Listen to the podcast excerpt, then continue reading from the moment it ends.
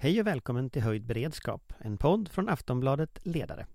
Idag är det sex månader sedan Ryssland invaderade Ukraina i sin tre dagars specialoperation för att ta över Kiev. Det gick sådär. Vad som också går sådär är försvarsdebatten i valrörelsen. Den diskuterar vi i dagens Höjd beredskap. Välkommen!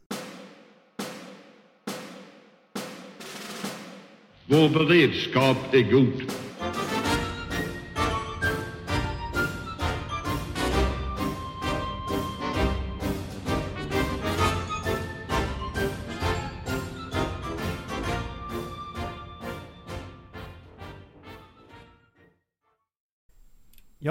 Sitter vi i våran studio här. Eh, eller jag sitter här i alla fall, Anders Lindberg och Patrik. Oksanen från Tankesmedjan Frivärd.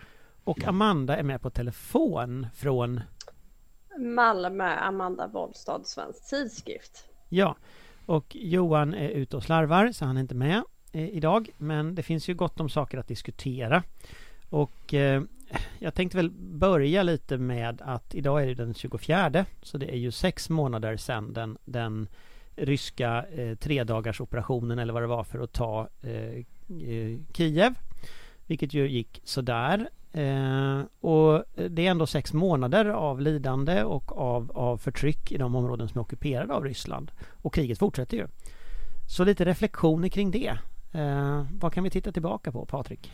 Eh, det vi först och främst ska titta tillbaka på är ju en enorm ansträngning, en enorm insats som det ukrainska folket har gjort här i att försvara sin frihet, sin demokrati och sin suveränitet. Det är en heroisk försvarskamp. Eh, jag har mycket, mycket stor beundran för vad man har lyckats åstadkomma i att värna sitt styre Eh, och eh, jag är också glad att notera att västvärldens stöd har varit mycket starkare än vad Putin kunde drömma mardrömmar om. Med det sagt så är vi ju fortfarande långt ifrån en seger men eh, eh hatten av till Ukrainas befolkning. Amanda? Ja, vi är långt ifrån en seger, men det är ju tack och lov Ryssland också. Eh, och det är inte bara sex månaders eh, dagen för invasionen, utan det är också Ukrainas 31 självständighetsdag. Det är ju ett land som har, jag såg att de la ut en pedagogisk video på sin Instagram-kanal om alla gånger de har blivit in, eh, invaderade av eh, Ryssland och olika inkarnationer av Ryssland under historien. Det är ju folk som har kämpat hårt för sin frihet under en herrans massa år och fortsätter göra det.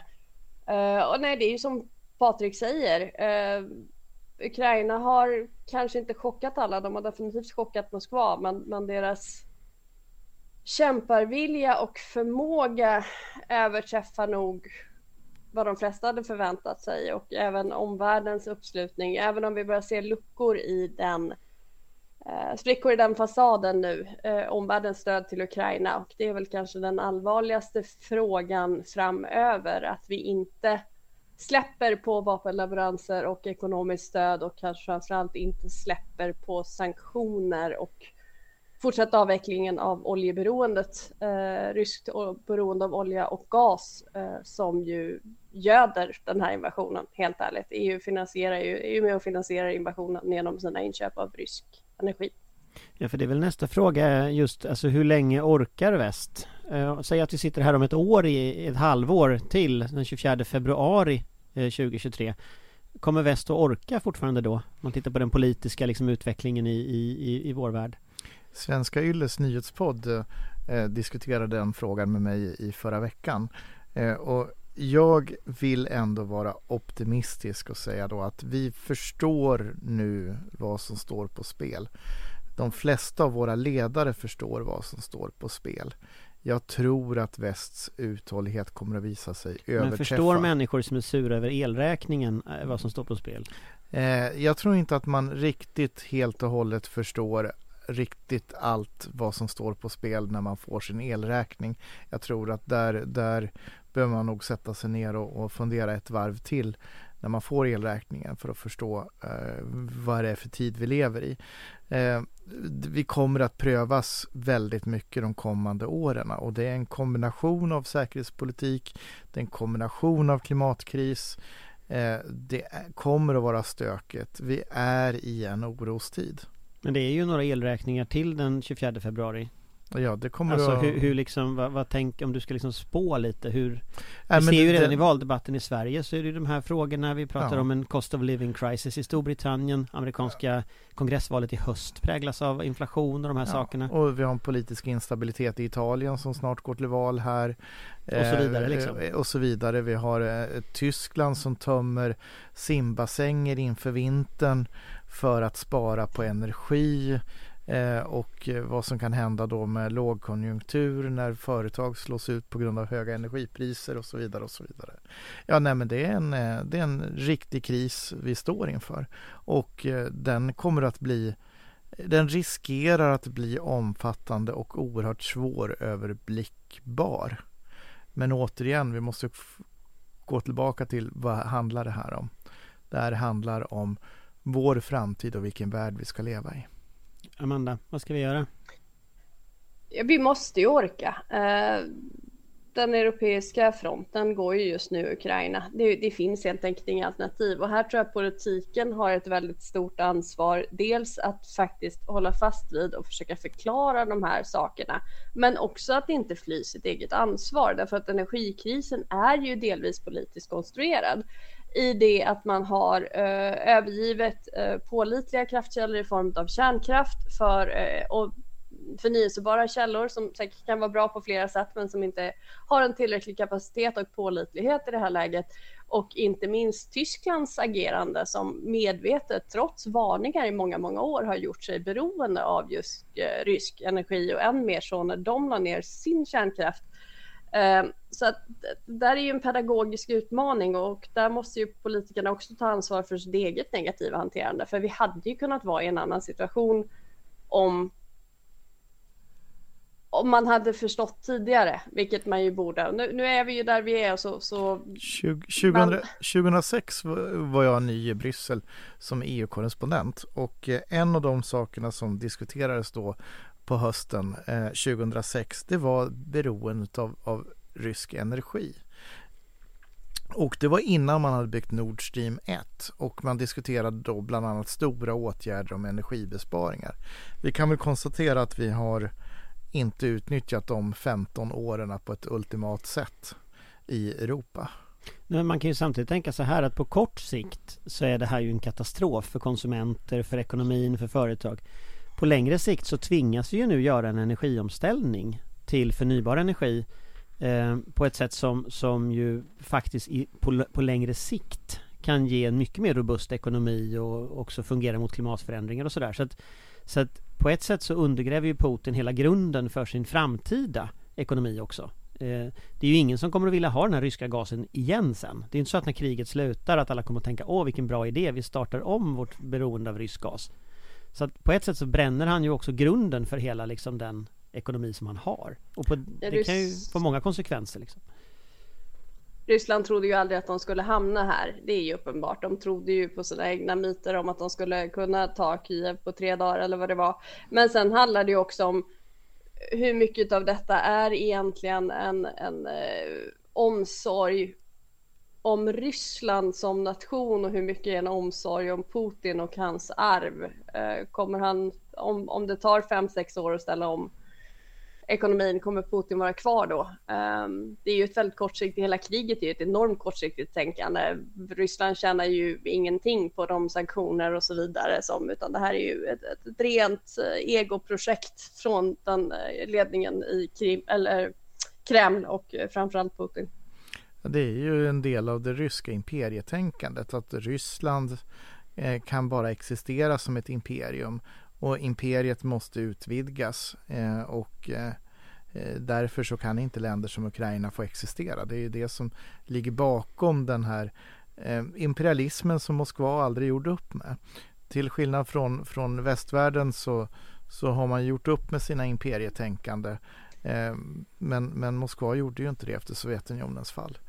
Ehm. Men jag tänker en annan sak som händer i sådana här lägen Det är ofta splittringar inom regimen. Vi har inte sett så mycket av det ändå eh, så här uttalat Men förra veckan eller för några dagar sedan nu så, så dödades ju Darja Dugina som är dotter och är en propagandist i sin egen rätt för den här liksom nazistideologin som man har.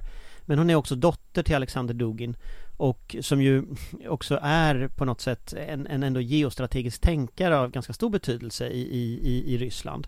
Ja, framförallt en stor betydelse för högerextrema Rysslandsvänner ja. i Europa. Ja, inklusive han, Sverige. Han, han, det, är ju, det var ju en bilbomb som sannolikt var riktad mot honom. Eh, man vet inte detta, det är ganska mycket outrett och det kanske finns ekonomiska kopplingar till maffian. Det kan finnas massa olika saker, det är trots allt Ryssland vi pratar om. Men det är ändå väldigt symboliskt att här sker en bilbomb mot en av den ryska regimens propagandister, dotter till en av de tyngre propagandisterna för den här regimen. Vad tänker ni om det? Eh, nu vet man inte vem som ligger bakom ska man säga, det finns mycket spekulationer och så. Eh, det kan vara en splittring i den ryska regimen, det kan vara organiserad brottslighet. Vissa pekar ut Ukraina, vilket låter ganska långsökt men, men, men det finns ändå det finns mycket rykten i svang. Liksom. Ja, och sen finns det de som också har spekulerat i att det är Putin som skickar en signal till Dugin att vet din plats. Ja, nej men det finns eh, mycket. Så, det är liksom, det, det, det är Ryssland väl, så det, är många det teorier. Finns, det finns många, många teorier. Eh, däremot så kan vi konstatera att det här spåret med att Ukraina skulle ligga bakom ger jag inte särskilt mycket för. De beviserna som har skickats ut från FSB, de så kallade beviserna, ser väldigt tunna ut och väldigt artificiella om jag uttrycker mig så. Men vad tänker ni om själva, om vi bortser från vad som har hänt, för det lär vi ju inte få veta med tanke på att det lär ju inte utredas av någon oberoende myndighet direkt. Men, men om man tänker den politiska betydelsen av detta, eh, kan det få någon betydelse? Men det är klart att den ryska ledningen eh, också måste befinna sig under hård press eh, just nu. Kriget går ju inte, trots propagandan, går ju inte riktigt som de hade planerat. Eh, sanktionerna får ju allt mer effekt efter att de inte kan importera olika komponenter som de behöver för tillverkningsindustrin, både den militära och den civila.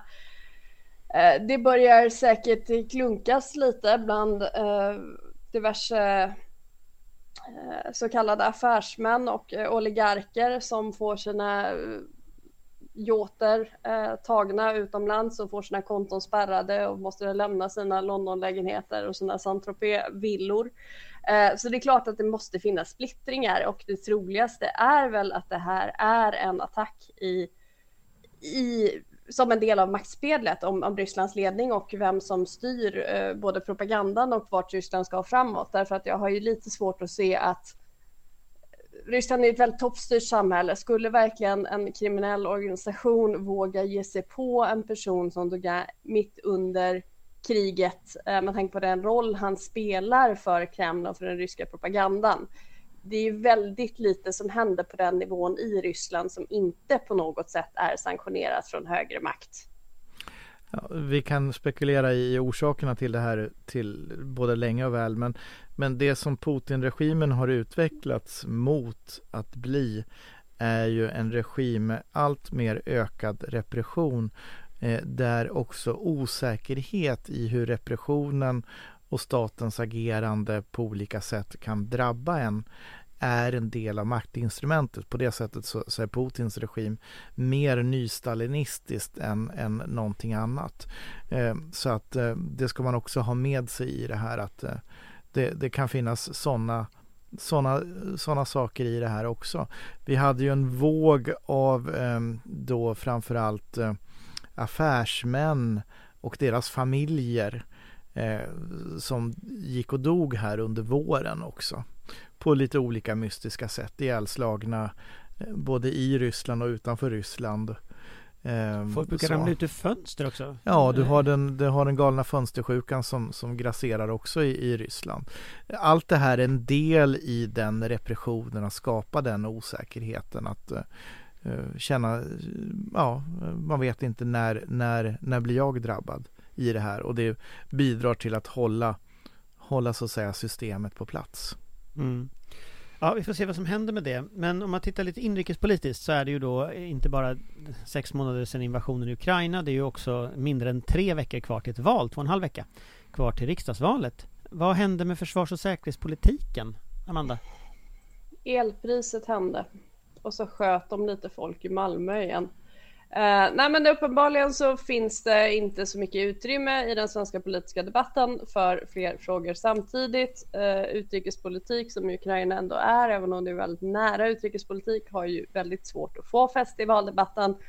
Och uh, till slut handlar valet om vad valet brukar handla om, det vill säga plånboksfrågor och den egna säkerheten, tryggheten, det vill säga våld och polisiära frågor och el och energipriserna. Uh, och det är ju också man kan ju tycka vad man vill om det, men samtidigt så kan jag ju tycka att våra politiker på alla sidor har ett ansvar att också försöka lyfta de lite svårare frågorna och inte bara springa på den senaste opinionsmätningen.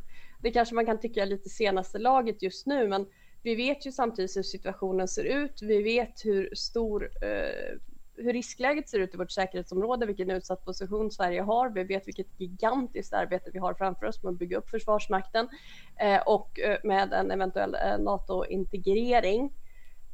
Så att det, här, att det här har fallit åt sidan är ju ett, ett underbetyg till vår betyg. Men är det inte bara att alla är överens? Ja, men det var ju lite grann så att eh, Nej, nu gick vi med, eller ansökte om NATO-medlemskap och sen så kom partierna överens om att man skulle nå 2% av BNP. Sen kan man bråka om hur snabbt det är snabbt möjligt egentligen. Eh, men det är perifert eh, och sen så blev det ett våt eh, filt på allting istället.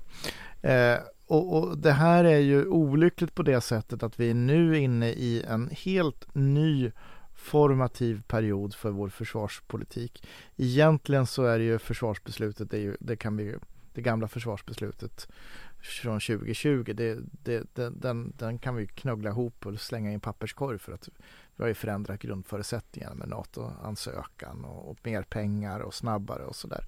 Eh, eh, och, men vi använder inte den här rådrummet och det, det är kort rådrum.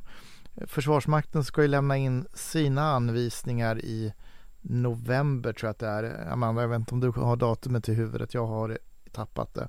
Ehm, så att vi har liksom en kort formativ möjlighet att diskutera omändringar eh, och omprioriteringar utifrån det nya läget vi befinner oss i och den, den debatten ser jag inte alls. Men jag tänker på att jag, jag var med i förra veckan i eh, Sverige möts, ni vet SVTs debattprogram eh, i onsdags från Skövde bredvid en stridsvagn sände de eh, och diskuterade NATO ingen brydde sig eh, i liksom sociala medier eller liksom, det blev liksom ingen debatt överhuvudtaget om det. Och det är väldigt, väldigt fascinerande med tanke på att det var en så stor fråga under så många veckor och månader och sådär. Eh, men det var liksom verkligen, det var de i rummet som brydde sig och sen, ja, någon miljon som tittar då på TV naturligtvis, men liksom i debatten sen så blev det liksom inga svallvågor. Vänsterpartiet gjorde inte en grej av det, Miljöpartiet gjorde inte en grej av det. Är det så att liksom man helt enkelt inte vill diskutera NATO i valrörelsen. Ingen vinner på det. Eller Nej. vad tror ni? Nej men ing, ing, alltså frågan det är liksom är bara jag... jag som kommer dit och är glad liksom. Ja, ja, ja, du är glad och jag är glad att vi ska gå med också. Men det är Amanda ingen- är glad. Men ingen liksom, ingen blir, ingen bryr sig tillräckligt mycket om för att bråka om det. Nej men frågan är ju avgjord. Med, med stor majoritet. Den är ju liksom, den är ju avhandlad. Ja, fast det är ändå nästa alltså riksdag skulle- som ska bestämma om det. Alltså det är också det som är så roligt, nu, nu säger, nu säger ju- en, en kritik från de som var mot den här omsvängningen var ju att, att folket inte får säga sitt. Mm. Folket får ju säga sitt Ja, i ja. valet i höst. Ja. Men då diskuterar de inte det. Nej. Men uppenbarligen tycker folket inte att det är en tillräckligt viktig fråga eller snarare tycker väl att det här är rätt väg att gå då. För jag menar vilka är egentligen emot? Eh, Vänsterpartiet, men de har ju andra frågor som de hellre går till val på än att vara emot NATO och inser väl också att de inte kommer kunna få någon majoritet för att riva upp beslutet. Ja, för Så enda, enda, sättet, enda sättet att riva upp beslutet vore ju att en majoritet i riksdagen inte vill gå med efter valet. Det är ju enda Mm. sättet att riva upp beslutet. Mm. Och det kommer inte Men hända. den, alltså den är frågan kommer de aldrig få. Nej, det verkar inte hända, absolut. Men det är så Nej. fascinerande att de inte ens slåss för det. De verkar, inte, de verkar ha gett upp liksom. Ja, Det har de nog det tror jag också. Några som inte har gett upp, det är eh, Peter Hultqvist och Mikael Damberg. De går idag ut och föreslår en förändring av värnplikten som är lite spännande. Och det här har vi diskuterat förut med värnplikt, hur många ska vara, och vilka uppgifter ska man ha och vad ska vara dimensionerande och så. Eh, och de eh, går då idag ut och lovar att höja den här målsättningen 2025 som tidigare var 8000 till 10 000. Det är inte en jättestor höjning men det är ändå liksom en, en ökning och slår på stora trumman för att vi ska få 10 000 värnpliktiga per år ska utbildas. Men det är en ökning som ska fortsätta efter 2025, inte en ökning absolut. till 2025. Så det är viktigt att ja, poängtera det, det, att det är, är den fortsatt ambition som ligger i framtiden. Det är en ambition som ligger i framtiden, men den här 10 000, eh, räcker det? Patrik? Alltså, nu, nu, nu ger vi oss in på, på så här komplex materia för att vad vi står inför är ju den, den, den oerhört svåra ekvationen att vi måste ha gripbara förband här och nu. Eh, vi måste ha en försvarsmakt som kan leverera eh, effekt eh, och samtidigt då producera krigsförband och inte fredsförband. Vi gör det i en situation när vi lider av brist på officerare. NATO-staber förväntas sluka omkring 200 officerare. Eh, vi har redan nu tunnat ut genom etableringar på flera nya orter. Eh, och samtidigt så rekryterar andra myndigheter Försvarsmakten eh, sönder eh, lite grann. Eh, därför att de kan erbjuda högre löner än vad Försvarsmakten kan göra. Eh, och Försvarsmaktens incitamentsystem så att säga med löner och villkor och, och, och posteringar och annat eh, släpar efter och är gjorda egentligen i en, i en helt annan tid när det inte var så viktigt att man, och man hade fler att fylla med än vad man, man, man behövde. Eh, så att Försvarsmakten står inför en stor personalkris. Eh, den behöver man lösa först innan man börjar fundera på, på vad man ska utbilda eh, rekryter och beväringar. Mm, du har pratat så mycket med Oskar Jonsson har jag. Eh, Amanda? Nej men det är ju nej, det är ju alltid roligt att, att prata om fler värnpliktiga och öppna nya regementen och värnpliktiga kanske i synnerhet om man tillhör Socialdemokraterna. Men det är ju inte någon slags enskild lösning på försvarets personalproblem och de, de stora frågorna vill man ju inte diskutera. Eh, det är väl kanske trevligt med fler värnpliktiga. Vem ska utbilda dem? Var ska de sova någonstans? Är detta en rimlig prioritering jämfört med den officersbrist och fasta personalbrist man har eh, med de Eh, villkor som släpar efter så pass att man som Patrik säger förlorar personal både till den privata sidan och till kanske framförallt andra myndigheter. Eh, börjar vi i rätt ända? Den här eh, underlaget som, som ÖB, för ÖB har ju fått kritik för att han inte har tagit personalfrågorna och det har ju grumlats rätt mycket i leden under det senaste halvåret framförallt.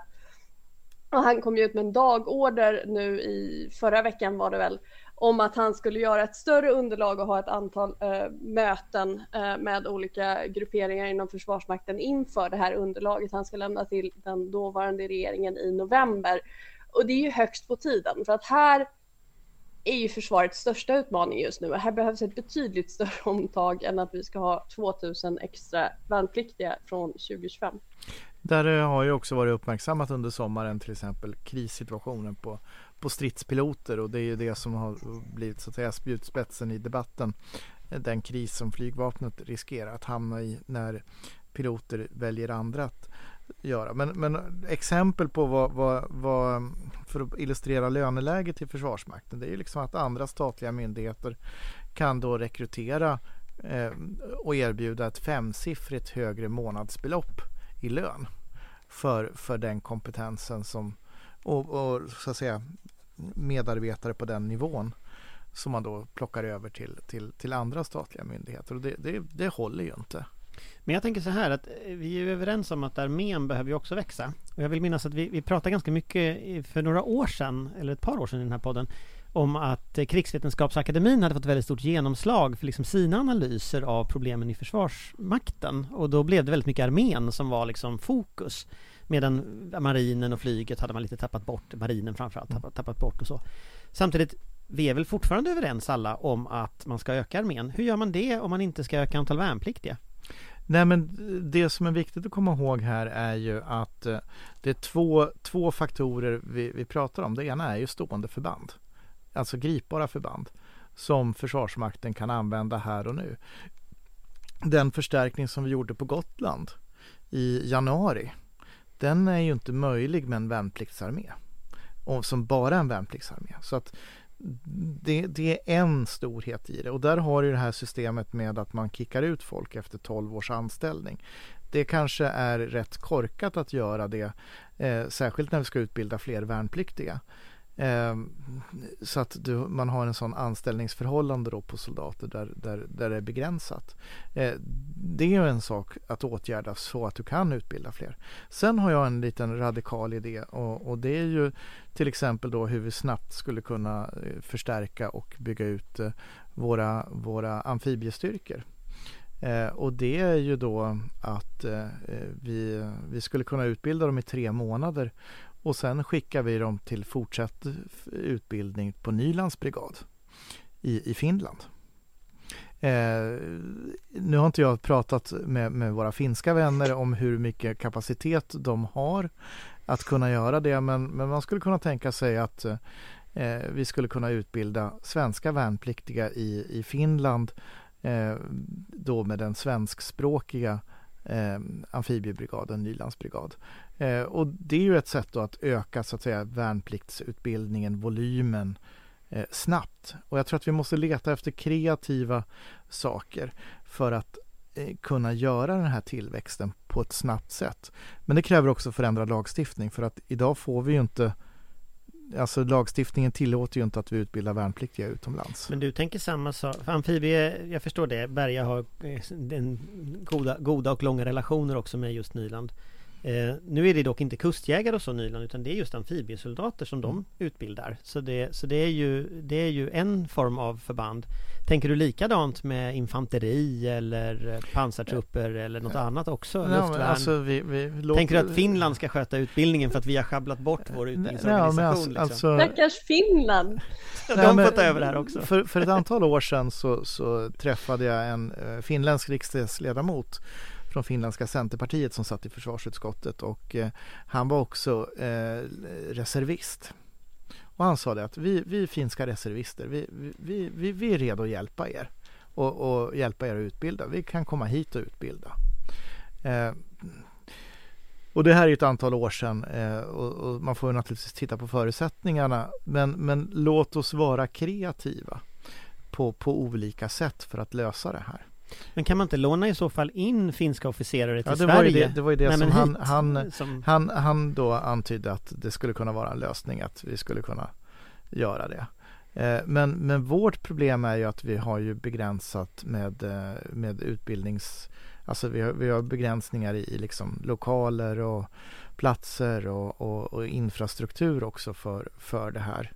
Samtidigt som att vi skulle kunna växa på befintliga orter Eh, men, men vi saknar också personal. Så att, eh, men, men just det här att, att använda NATO-medlemskapet och särskilt vår nära relation till Finland att göra det här på ett annorlunda sätt och släppa en del nationell prestige och, och sen snabbt fixa lite lagstiftning så att alltså, vi kan alltså, göra det här. Alltså bilden av oss som storebror i Norden eh, har ju redan pajat ihop rätt fullständigt. Men, ja, men... Det, det, är väl lika bra att vara ödmjuk och säga att när det gäller liksom volym armésida så är Finland storebror.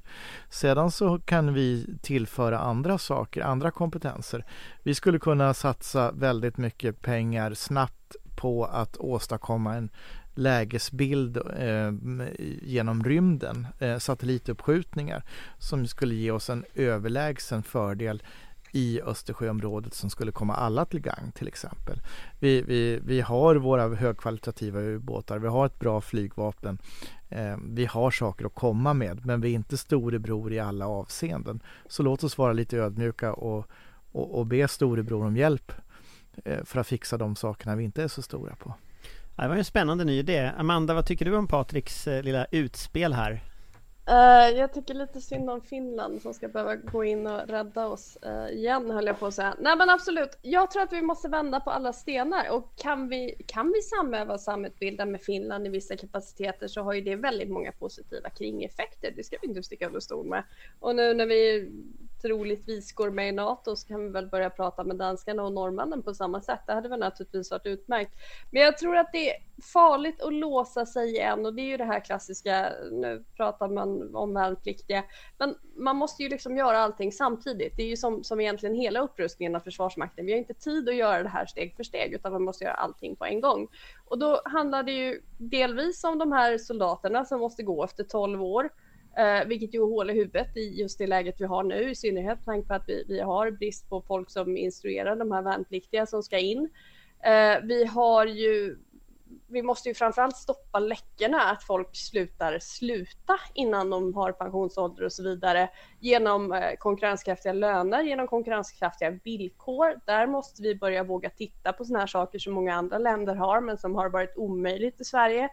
Att man hjälper till med eh, bostäder på lokaliseringsorter, hjälper till med att fixa barnomsorg, skolplatser, eh, anställning för respektive så att det liksom ska gå och funka och få ihop med familjelivet.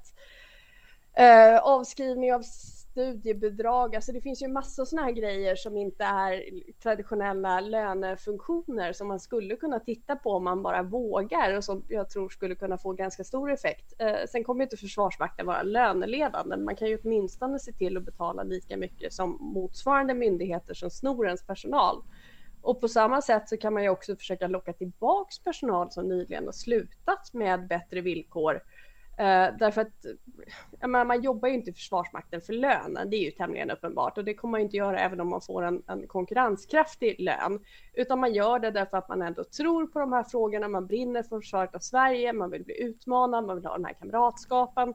Och de pulleffekterna finns ju kvar. Så att kanske kan man se om man kan locka tillbaka en del personal, i synnerhet inför den här NATO-integreringsresan och de staber som ska bemannas runt om i, alliansen och för tillväxten och överhuvudtaget. Eh, Men det är ju ganska många, alltså det är ganska många överstelöjtnanter på rymmen. Eh, alltså det, det, det är ju rätt mycket folk som har dratt de senaste åren. Tror du det går att locka tillbaka folk?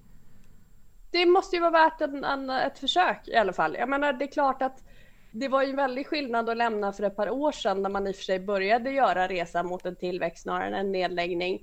Eh, men ändå var i ett helt annat läge medan de nya uppgifterna och den nya förmågan man tillskansar sig nu och som sagt inte minst eventuella NATO-tjänster kanske kan locka mer än det civila livet. Mm, ja men det känns rimligt. Alltså jag, jag, jag tänker ju när man tittar på frågan om värnplikt så tänker jag ju att 10 000 är ett steg till mer. Och tittar man på, på Pliktverket som det inte heter längre, Plikt och rekryteringsmyndigheten, vad heter de? Plikt och rekryteringsmyndigheten, jag glömmer vad de heter till och med. Plikt och prövning. Plikt och prövningsverket, ja vad de nu heter. Pliktverket i alla fall.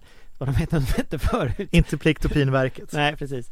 Eh, men i alla fall, jag tänker att när de gör, gör analyser, eller gjorde analyser för ett par år sedan som jag läste, förra året tror jag det var, eh, då, då hade de ju pekat ut att det fanns ungefär 20 000 eh, Eh, rekryter liksom, som var ändå lämpliga och som var motiverade och som det var möjligt att, att liksom utbilda.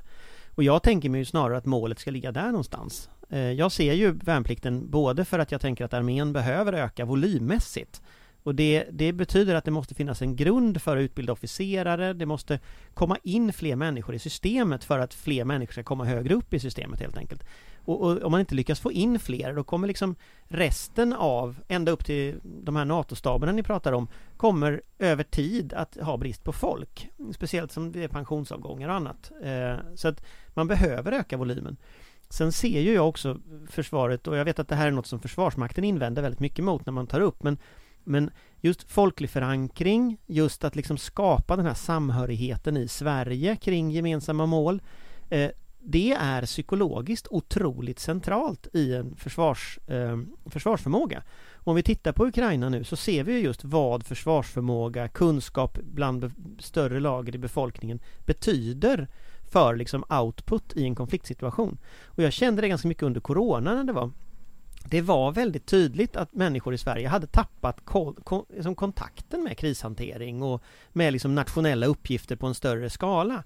Och då tänker jag liksom om, om, om någon hade angripit Sverige, hade det blivit som under Corona att alla sprang runt som yra höns och ingen gjorde som någon sa liksom? Att, eh, och någonstans så tänker jag att det där behöver återupprättas, den insikten om att folkförsvaret är en angelägenhet för alla. Och då är ökning av antal värnpliktiga för mig också ett egenvärde för folklig förankring. Jag vet att Försvarsmakten invänder mot det här resonemanget men jag tycker det är ganska centralt liksom i, i mitt förstå min förståelse vad som är ett folkförsvar.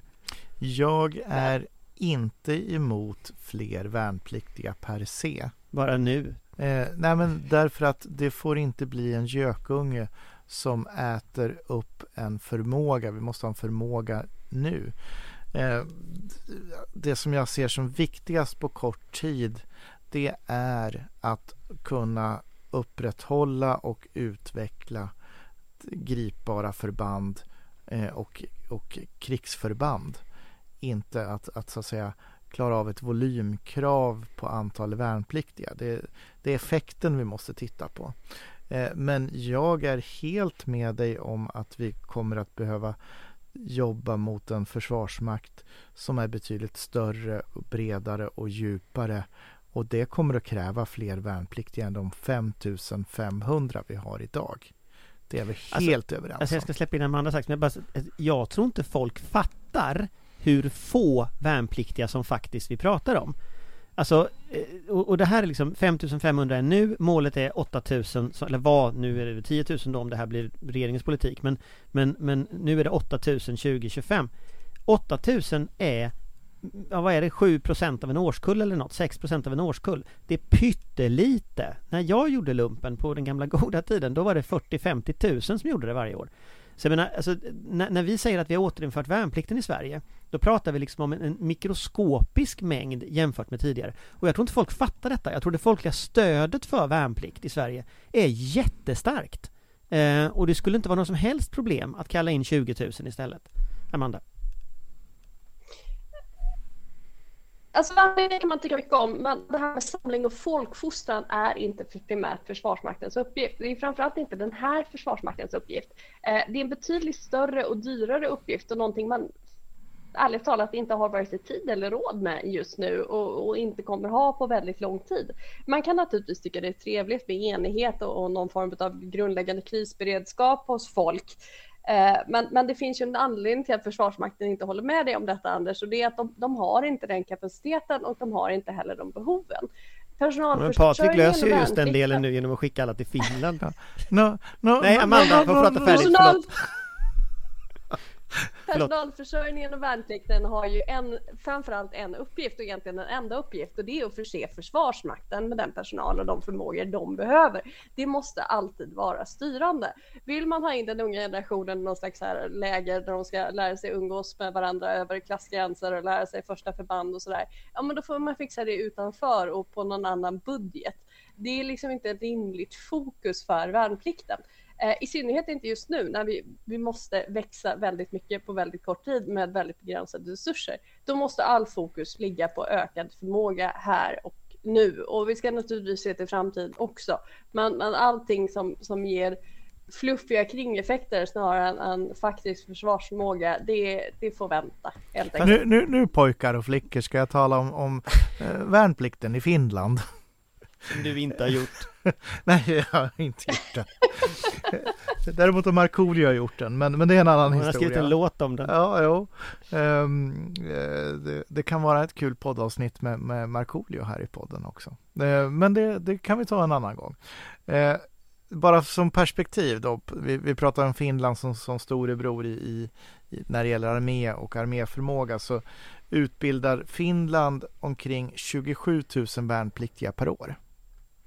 Det är mot Sveriges 5 500. Finland har ungefär halva Sveriges befolkning. Eh, 80 procent av, de, eh, av kullen, av manliga kullen, för Finland har ju inte en könsneutral värnplikt, det har ju Sverige, eh, gör det här. Och i Finland idag såg jag eh, kom utspel både från de gröna i Finland och Samlingspartiet i Finland, Moderaterna, att man vill nu ha en könsneutral värnplikt för att kunna ta ut de bästa tjejerna och killarna precis som vi har i Sverige könsneutralt.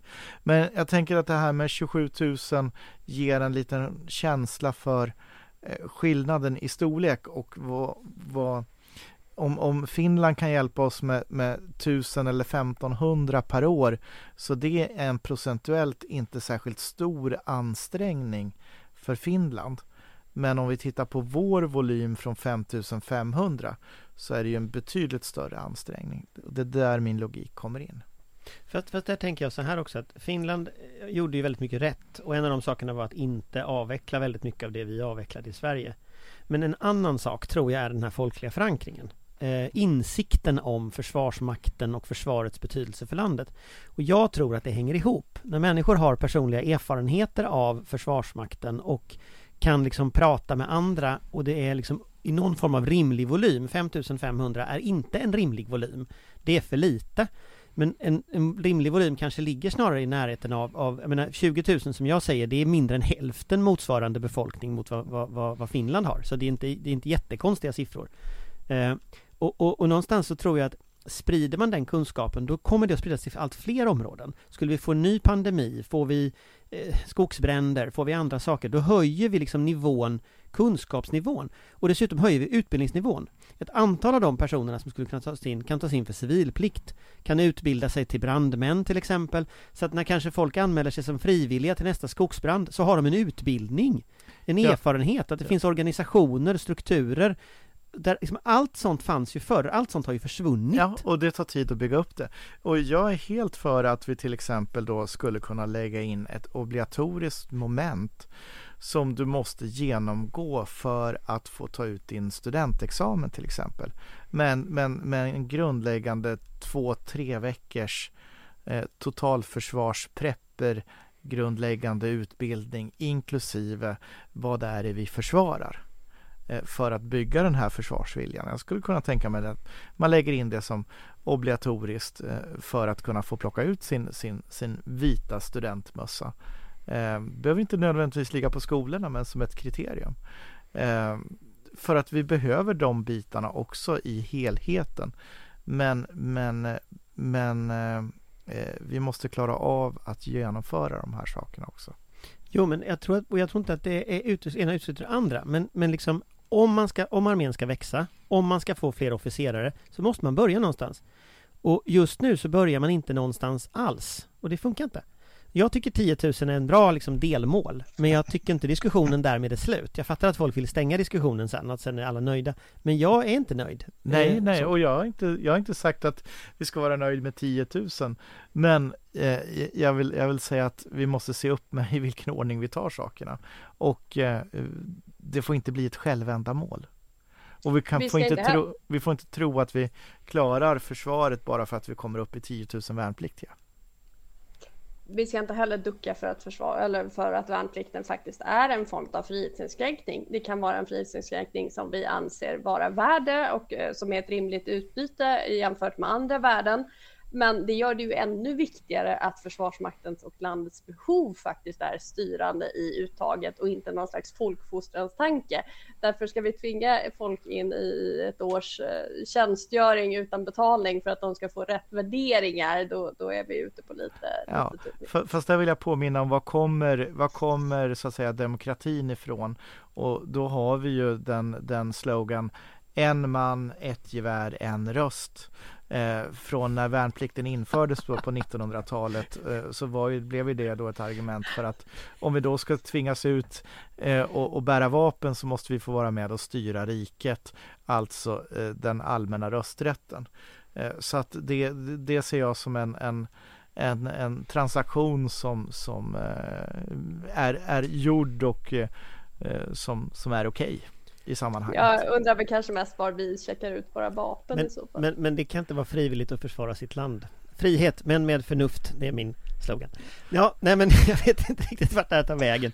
Men, men, eh... men, men försvarsvilja tycker jag att vi ska prata vidare på. Ja. Då passar jag på att göra lite snabb reklam, för jag sitter och jobbar med en antologi om försvarsvilja som kommer att komma ut i början av nästa år. Så att det finns mycket ämnen att hämta där. Men, men då, då, tänker jag så här att, att eh, vi får återkomma till detta. Eh, vi kan konstatera att än så länge så är det inte så många som pratar om det här i valrörelsen. Eh, det kanske händer något dramatiskt som gör att folk skulle göra det, även om de betvivlar det. Annars så står vi inför ett plånboksval och så får vi fortsätta diskutera det efteråt, helt enkelt. Men tack så mycket för idag. Eh, idag är det alltså den 24 eh, eh, augusti och det är sex månader sedan Ryssland eh, på tre dagar skulle invadera Ukraina. Eh, sex månader in i denna tre dagars operation så, eller vad heter det, special vad sa de? Specialopera, ja det här kriget. Specialoperation. Specialoperation var det. Det här kriget. Så sitter vi nu i alla fall ett halvår senare och kan helt enkelt blicka tillbaka på en strategisk katastrof för Ryssland. Och det är ju ganska intressant att se med tanke på hur vi diskuterade innan. Eh, det här har ju förändrat geopolitiken i Europa fullständigt. Och, och nu Anders tycker jag att du avslutningsvis lägger in den ukrainska nationalsången i den här podden. Eh, om du sjunger den det ska vi nog, nog, eh, nog bespara lyssnarna på. Men den är vacker, den ukrainska nationalsången. Det låter trevligt. Patrik får öva till nästa gång. Tack Alla för oss den här veckan. Tack för oss den här veckan. Vi ses nästa vecka. Hej hej! Tack! Hej hej!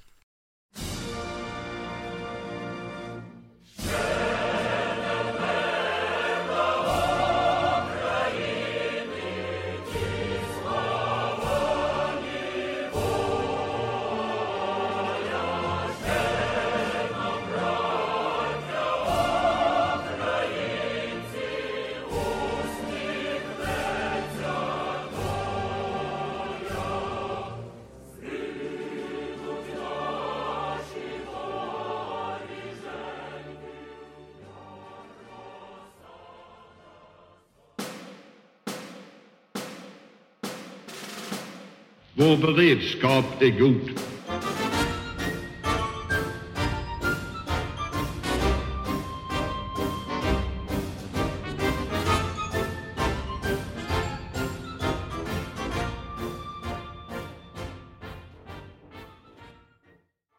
Du har lyssnat på en podcast från Aftonbladet. Ansvarig utgivare är Lena K Samuelsson.